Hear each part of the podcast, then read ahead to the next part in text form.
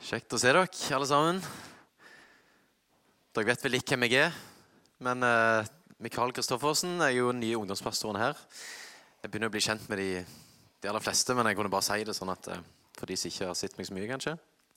Ja. Ok. Sist gang jeg talte, så uh, kom jeg opp her med noen sånne papirer som det. Og da var det noen lovsangstime som sa liksom, hva, hva du har der? Hva er det for noe? Sånn papir? Bruker du papir, ja? Ok, det fins ennå, det. Men jeg er fortsatt i dag òg med papir.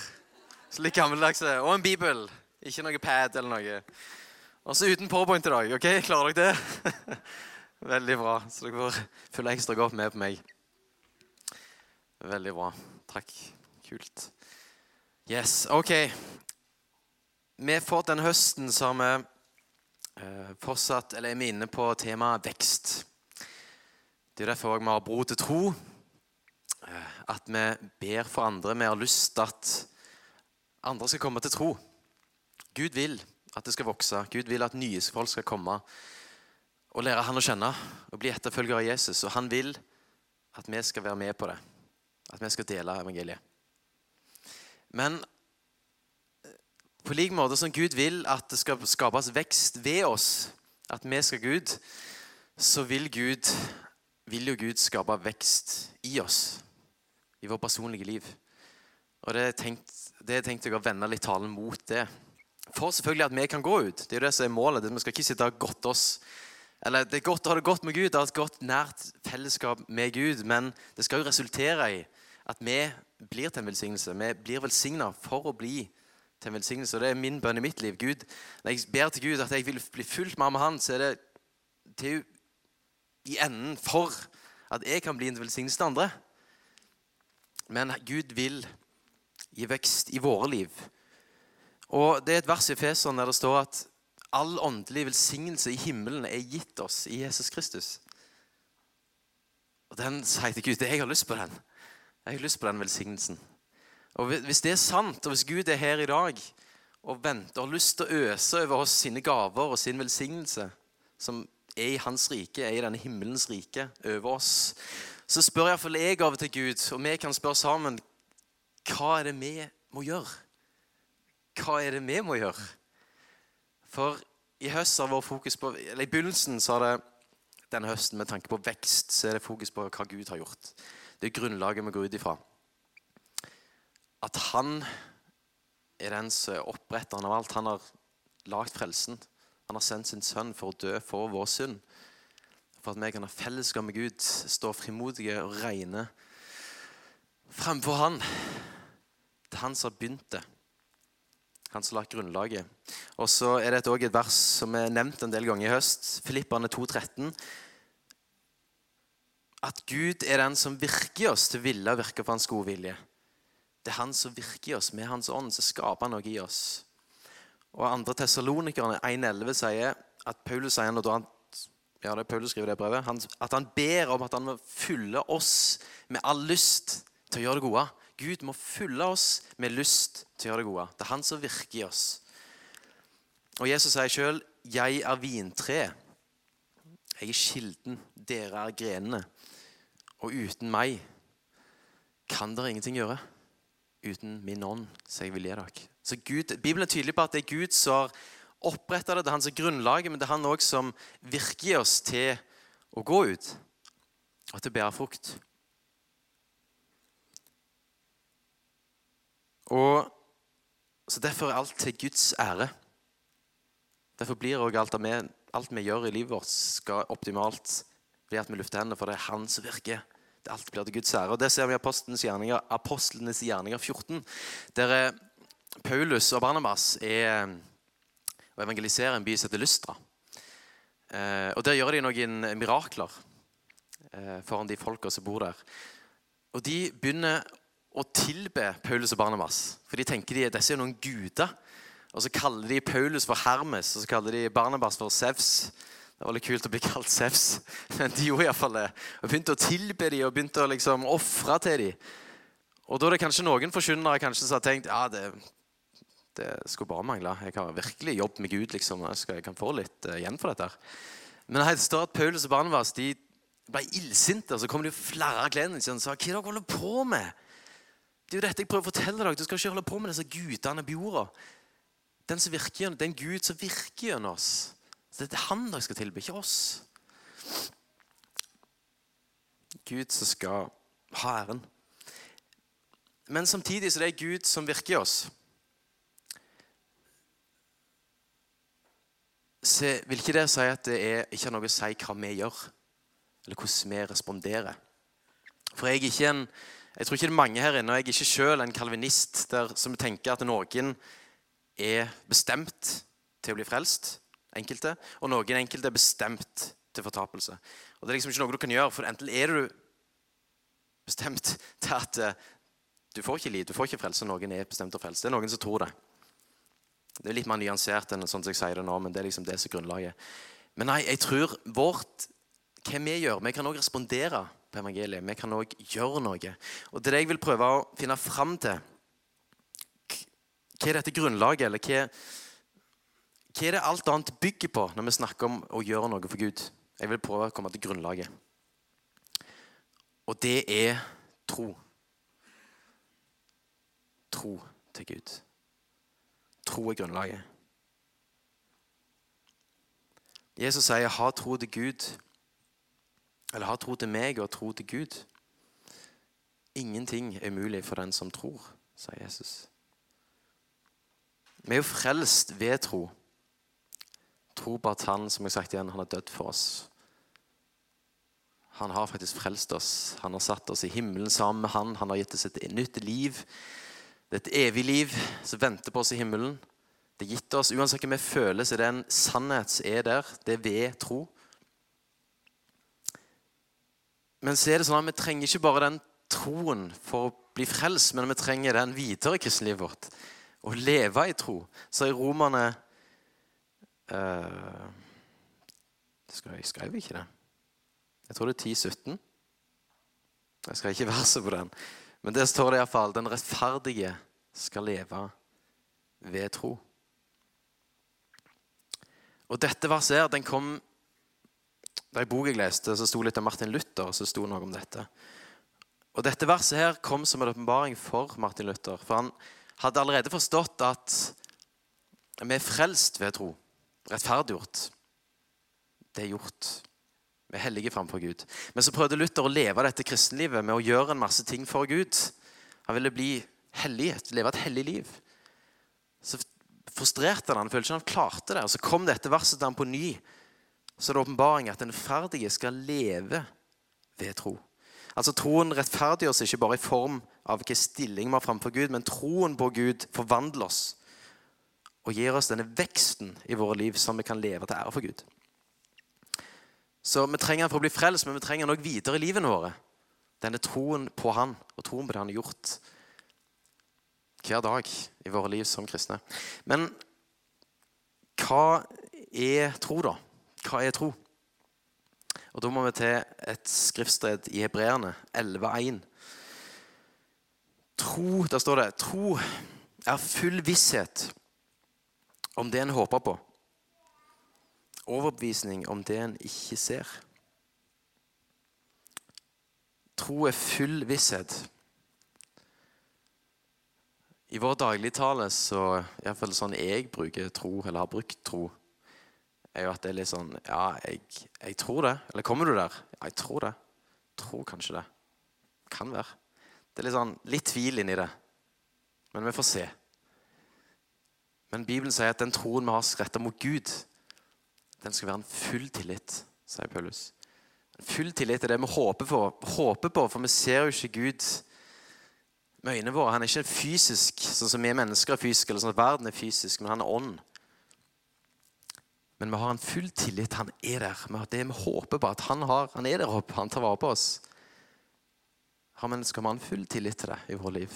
Det er den bibelske troen, og det er det jeg har lyst til å ha i mitt liv.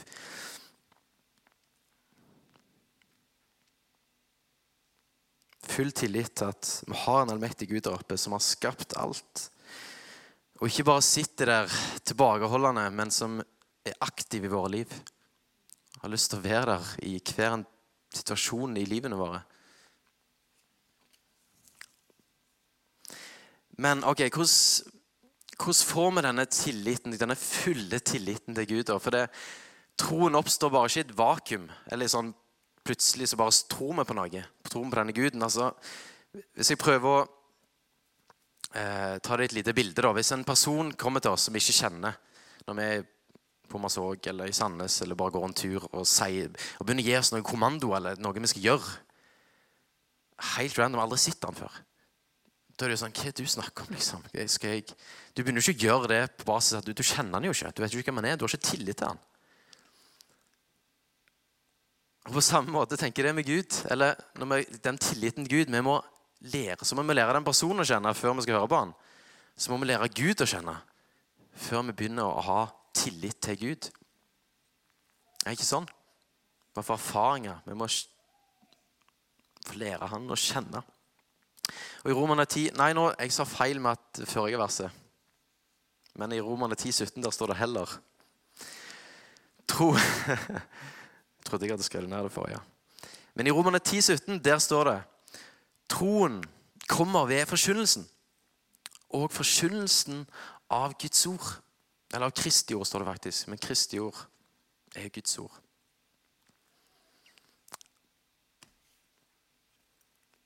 Vi må begynne å fylle oss med den her. Det er her vi får lære Gud å kjenne.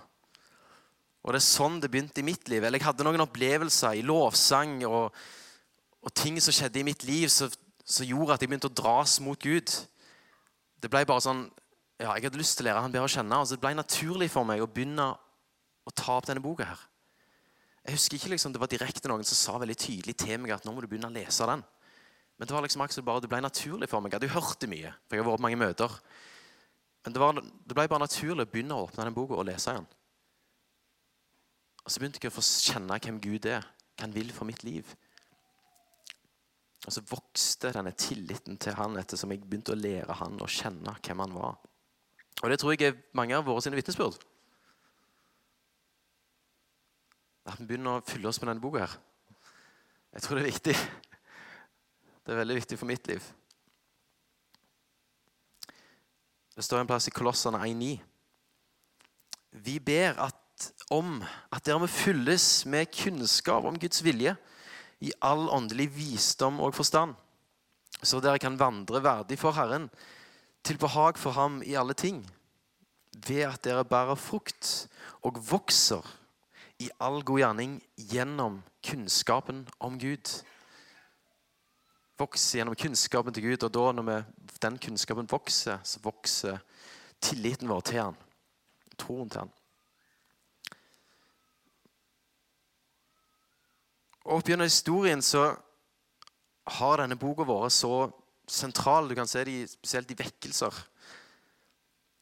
Det følger med at folk begynner å ta opp denne boka og lese aktivt.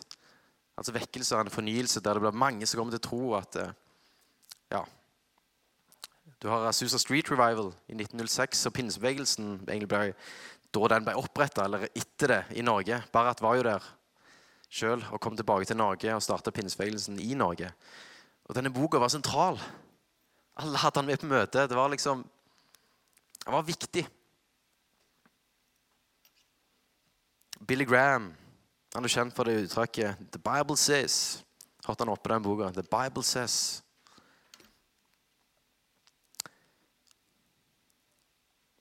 Og eh, haugianerne, som har vært en del oppe i media og de siste i forbindelse med jubileet de ble kalt, ofte kalt leserne.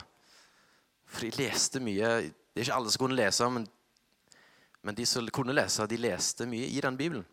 Og i andre kristne skrifter. Og, og det, var, og det var det som forvandla Norge. Pauge gikk ikke rundt og forkynte bare fra visdom. Han var en kløktig fyr som kunne veldig mye, tror jeg. Jeg tror han var en smart type, Men han kom rundt med den boka og forkynte det som sto der. Og lærte folk om det. Og det ble forvandling. Det står at Guds ord det skaper noe i oss. Verden ble til ved Guds ord. Gud så det. Gud hadde så måte det han skulle skape, så snakket han det ut, så ble det til.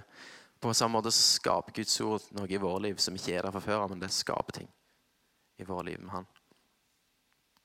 Og Så prøver jeg meg på et lite bilde. Se for deg et stort hus. Og huset representerer Guds rike. Det vi er satt inn i. Det vi har kommet til tro på, eller det vi, vi er satt inn i Guds rike som Guds barn når vi tar, kommer til tro på han. Og troen representerer nøkkelen inn til huset. Det er sånn vi kommer inn. Vi tror på han og tror på det han har gjort. Så vi, får vi all tilgang til alt som er i det huset, av velsignelser og alt som er der. Jeg tenkte på dette her når jeg var eh, hos foreldrene mine. Pappa sitter faktisk rett der. Eh, jeg bor ikke der nå, men av og til stikker jeg innom litt med ungene. For når jeg skal spesielt ta alle tre ungene alene, da kan det bli litt heis av og til. Så da er det greit liksom litt nytt hus, nye leker, for de er så leie alle våre leker. Så kan jeg slappe litt mer av. Så da reiser jeg av og til opp der. Og det er jo ikke, det er jo ikke hjemmet mitt. altså Jeg føler jo det hjemmet mitt, men, men jeg, ja, jeg, føler meg helt hjemme der. Jeg tar det jeg vil. Eh, når jeg er sulten, så, så, så vet jeg hvor maten er. Se om jeg lage dette bildet bra. men det, Når jeg er sulten, så, så, så, vet jeg hvor maten er. Jeg går i kjøleskapet og tar det som er der. Når jeg vil ha sjokolade, så vet jeg hvor det er. Jeg går i skuffa. Oi, ja. Du ser det forsvinner litt av og til.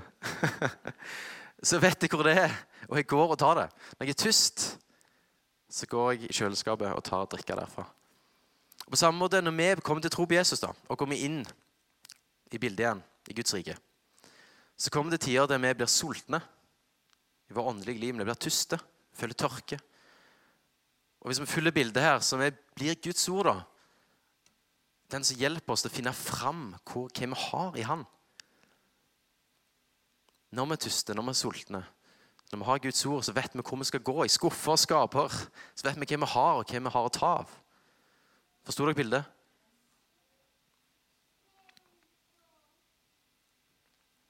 Vi må fylle oss med dette ordet. Men noen tenker jo det er jo så mange ting jeg ikke forstår. Og det kan jeg rekke opp hånda. Det er en del ting jeg ikke forstår der. når jeg leser. Men da tenker jeg litt begynn med de tingene du forstår. Jeg er litt sånn Jeg kan fort gå for å fokusere veldig på det som jeg ikke forstår. For jeg vil vite alt. Jeg vil, jeg vil vite alt. Og så når jeg merker jeg har for mye fokus på det, så kan tvilen begynne å komme på de bare versene jeg ikke helt forstår. Men Gud, jeg tror Gud vil at vi skal begynne det som treffer våre liv, det vi forstår. Og så vil Gud åpenbare ting i sin tid. Vi stoler på han. At ordene hans er sant. Det er bare ikke alt vi klarer å forstå med en gang. Og så Når vi går i tro til det han har skrevet, og tar det til oss, så vil han tror jeg, åpenbare ting for, seg, for oss i sin tid. Iallfall min erfaring med det.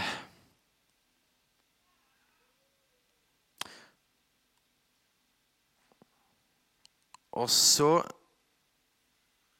er det viktig Nøkkelen tror jeg, er å ikke bare lese det, men det å gjøre etter det. Det er jo en kjent lignelse som de aller her fleste sikkert kjenner til. Som er det faktisk laget en sang av. Bygg ikke hus på en sandstrand. Bygg ikke hus på grus. Kanskje virker det ok, men en dag du angrer deg. Du må bygge huset en gang til. Du må bygge huset på et fjell. På en stødig grunn som ikke rager seg. Så når stormen brister på, så har du fred i huset likevel. likevel. Ja, står der. det er kanskje etter. Jeg håpte noen hjalp meg der, for jeg tenkte jeg tar ikke den helt alene. alle versene. Men dere kjente til han. Og der, Den lignelsen den kommer ut fra noe Jesus sier. Han sier, 'Den som hører mine ord, men ikke gjør etter dem, han er lik en mann som bygger huset sitt på sand.' Og når stormen kommer, så faller det. Men den som hører mine ord, men gjør etter det, han er lik en mann som bygger huset sitt på fjell. Og når stormen kommer, så står det fast. Det handler ikke om bare at vi leser eller vi hører. for det har Jeg tenkt mange, jeg har jo studert teologi i fire-fem år nå. Jeg har lest utallige bøker.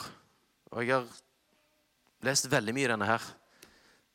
Ikke bare til å takke forbi på teologistudiet, men vi, vi faktisk leser ikke veldig mye i denne. Men vi leser veldig mye bøker, og leser litt i den òg. Og det er hebraisk, og det er gresk, og det er alt mulig greier. Men praksis, det er det litt verre med.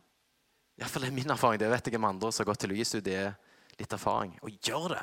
Hvordan funker dette i vårt liv? Hvordan skal vi det Hvordan skal vi handle etter det daglig, i dagliglivet vårt? Det tror jeg er viktig. Og her Ja, og Nå tenker sikkert noen igjen, og det har jeg tenkt sjøl noen ganger Men jeg er ikke klar for å gjøre ut alt Gud sier. og lese den Bibelen, ja. Jeg er ikke klar til å begynne å springe rundt dør til dør med evangeliet. liksom. Det, det, det er bare, Jeg er ikke klar for det. Jeg er ikke klar for å selge alt jeg eier og reise til Fjernøsten, liksom, som, som Oddmund snakket litt om. Jeg er ikke klar for det. Men da igjen, begynn litt der du er. Begynn der med livet ditt der du er. Så tar du til deg de tingene som treffer deg. Det vil ikke si at du skal kaste vekk det andre. Guds å utfordrer oss, men begynn der det treffer deg og ditt liv. Og så handler vi etter det som treffer oss.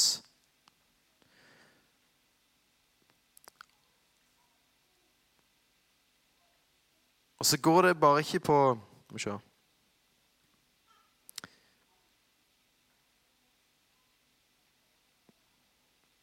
Og Guds ord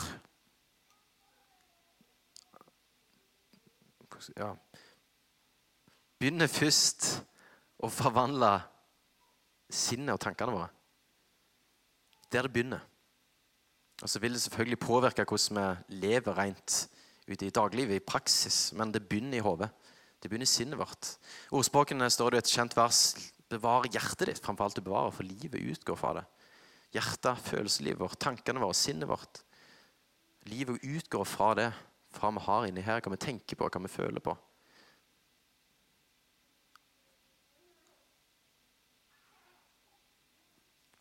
Og En sånn følelse som kan være Vi kjenner på en hver av og til.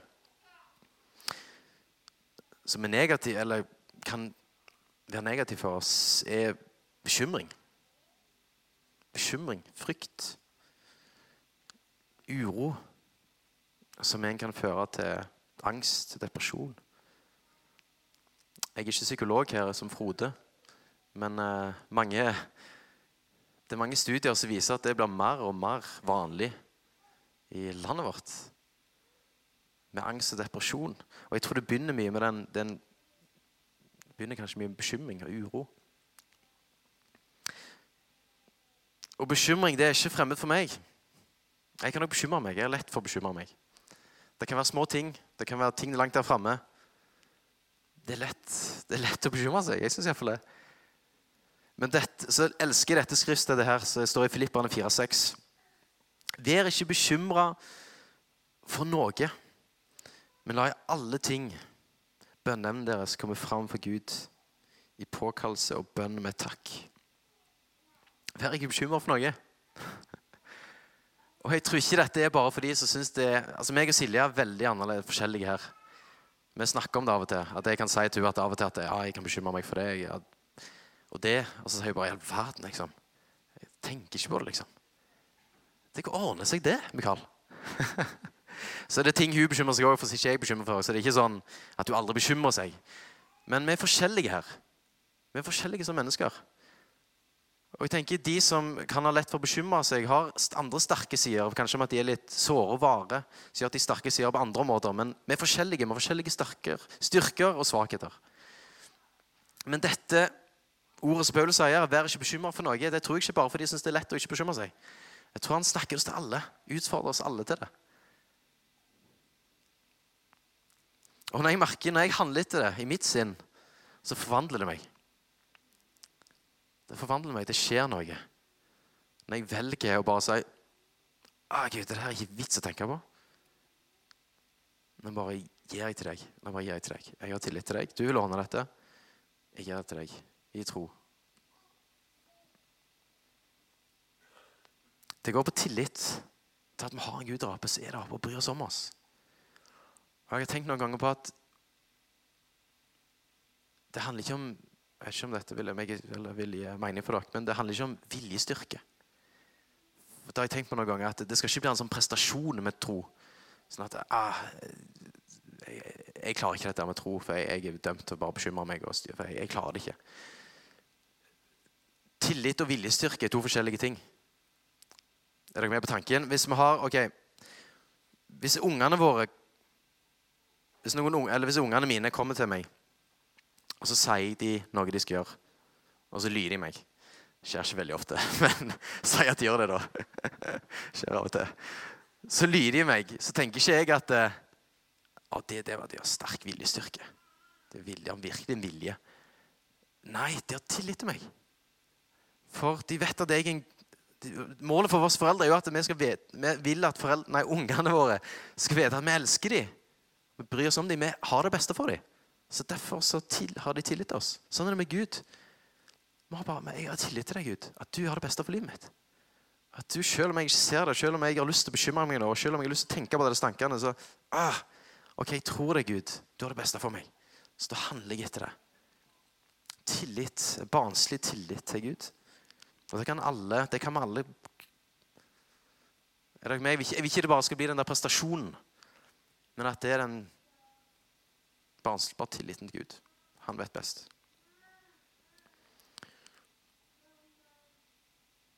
Det er mange ting å bekymre seg for. Fremtid, usikker fremtid, økonomi som ikke går som vi hadde tenkt. Og jeg vil legge alle disse ting fram for Gud i bønn og takke. Takke. Det traff meg litt faktisk sist tale med Knut, med takknemlighet. Vær takknemlig. Står i bønn med takk. Takke Gud for det du har. Takke Gud for det du har fått. Det han har gitt deg. Og takke Gud for det. Så med de bønnene vi har, de bekymringene vi har, de legger vi fram for han. Med påkallelse til han. Og så takker vi Gud. OK, du har det, Gud. Jeg har tillit til deg. Du tar det. Og så er det løftet. Hva er løftet etterpå? Da er det neste vers, Filipperne 4, 7. Altså 4, 6. Vær ikke bekymret for noe, men la alle ting La alle ting, eller alle bønneemnene deres komme fram for Gud i påkallelse og bønner med takk. Vers 7. Og Guds fred, som overgår all forstand, skal bevare deres hjerter. Følsomt. Det er lenge siden Oi, i all verden! Det er lenge, det er lenge siden jeg har uh, vært følsom på talerstolen. Det er en stund siden. Ok. Og Guds fred, som overgår all forstand, skal bevare deres hjerter og deres tanker i Kristus Jesus. Det er et løfte vi har. Amen. Det var voldsomt. Nå må jeg roe meg ned litt. OK. Vi trenger dette. Vi trenger fred, sinnsro i livene våre. Jesus sier jo, 'Ta mitt åk og lær av meg'. Vi har mild og ydmyke hjerte, så skal dere finne hvile for deres sjeler. Jesus levde i denne fulle overgivelsen, tilliten til Gud. Han visste hvem han var. Han visste hvem som var sin far. Og Når de leser Jesus for eksempel, snakke om eh, bekymring i Matteus 6 Det er liksom bare sånn Ikke bekymre dere for maten, hva dere skal spise, eller klærne, hva dere skal ha på dere. Han snakker om de liksom, grunnleggende ting i livene våre som går på økonomi òg. Jeg tenker det er å grunne det. Ikke bekymre deg for det. Se på linjene på marken. Så det er ikke Salomo. Han var så- i all sin prakt var oppkledd som noen av de. Ikke bekymre deg for det. Gud har omsorg for dere. Søk først Guds rike og hans rettferdighet, så dette vil gi, bli gitt dere i tillegg. Og Den der har jeg lyst til å leve etter. Den freden som Jesus hadde og førte med seg. At han hadde den fulle tilliten til Gud. Men så er det der tider der troen vår blir prøvd. Drømmer som går i knus. Planer blir ødelagt.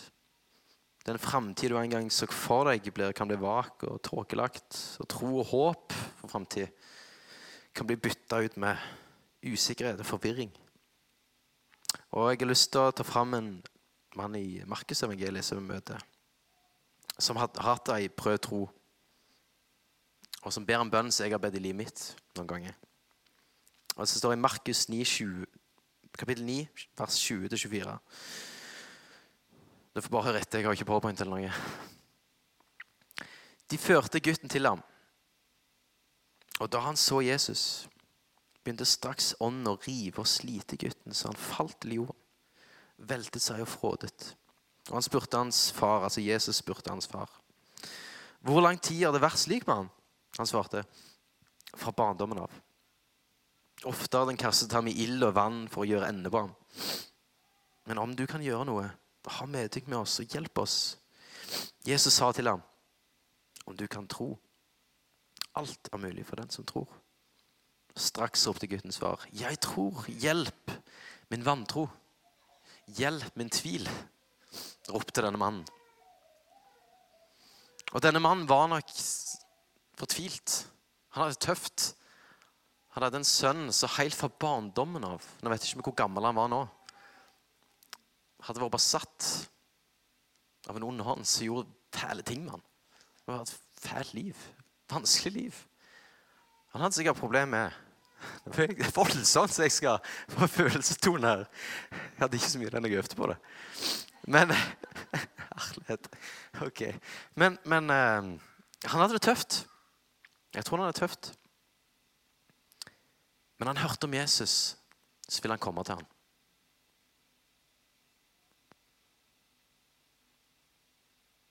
Og han spurte Jesus kan du gjøre noe. Kan du hjelpe meg? Og så var han ærlig med Jesus når Jesus sa bare har du tro, så skal det være alt mulig. Så var han ærlig. Kanskje jeg føler ikke så mye tro nå, men jeg vil tro. Jeg vil tro Jesus. Jeg, har tillit, jeg vil ha tillit til du kan gjøre det. Og det, I våre liv alltid, så tenker vi kan rope ut det når vi ikke føler den sterke troen. Så kan vi rope ut Hjelp min tvil. Men jeg tror deg, Gud. Jeg vil tro deg. Og det som skjedde, er at Gud, Jesus svarer, og han her blir helbreda. Vi trenger ikke føle det trosruset. Det, det handler ikke bare om følelser, men det handler om at vi bare, uansett hvordan vi har det, så bare har vi den tilliten til Gud. Breane 3,14 sier For vi har fått del med Kristus, så sant vi inntil enden holder fast ved den første fulle visshet, eller tillit.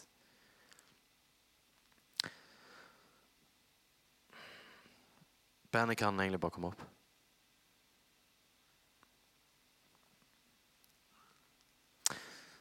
Så altså Basisen for hva vi gjør for Gud, hva det vi gjør for Gud, går ut ifra, det er at vi har tillit til Han. Vi har tro for Han. Og hvordan vokser denne troen? Jo, vi må lære Han å kjenne vi må lese denne boka.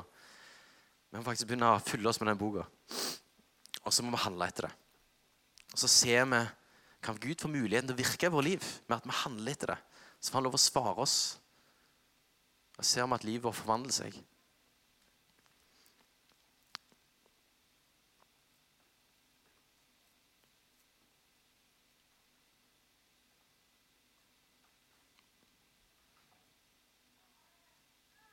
Ok.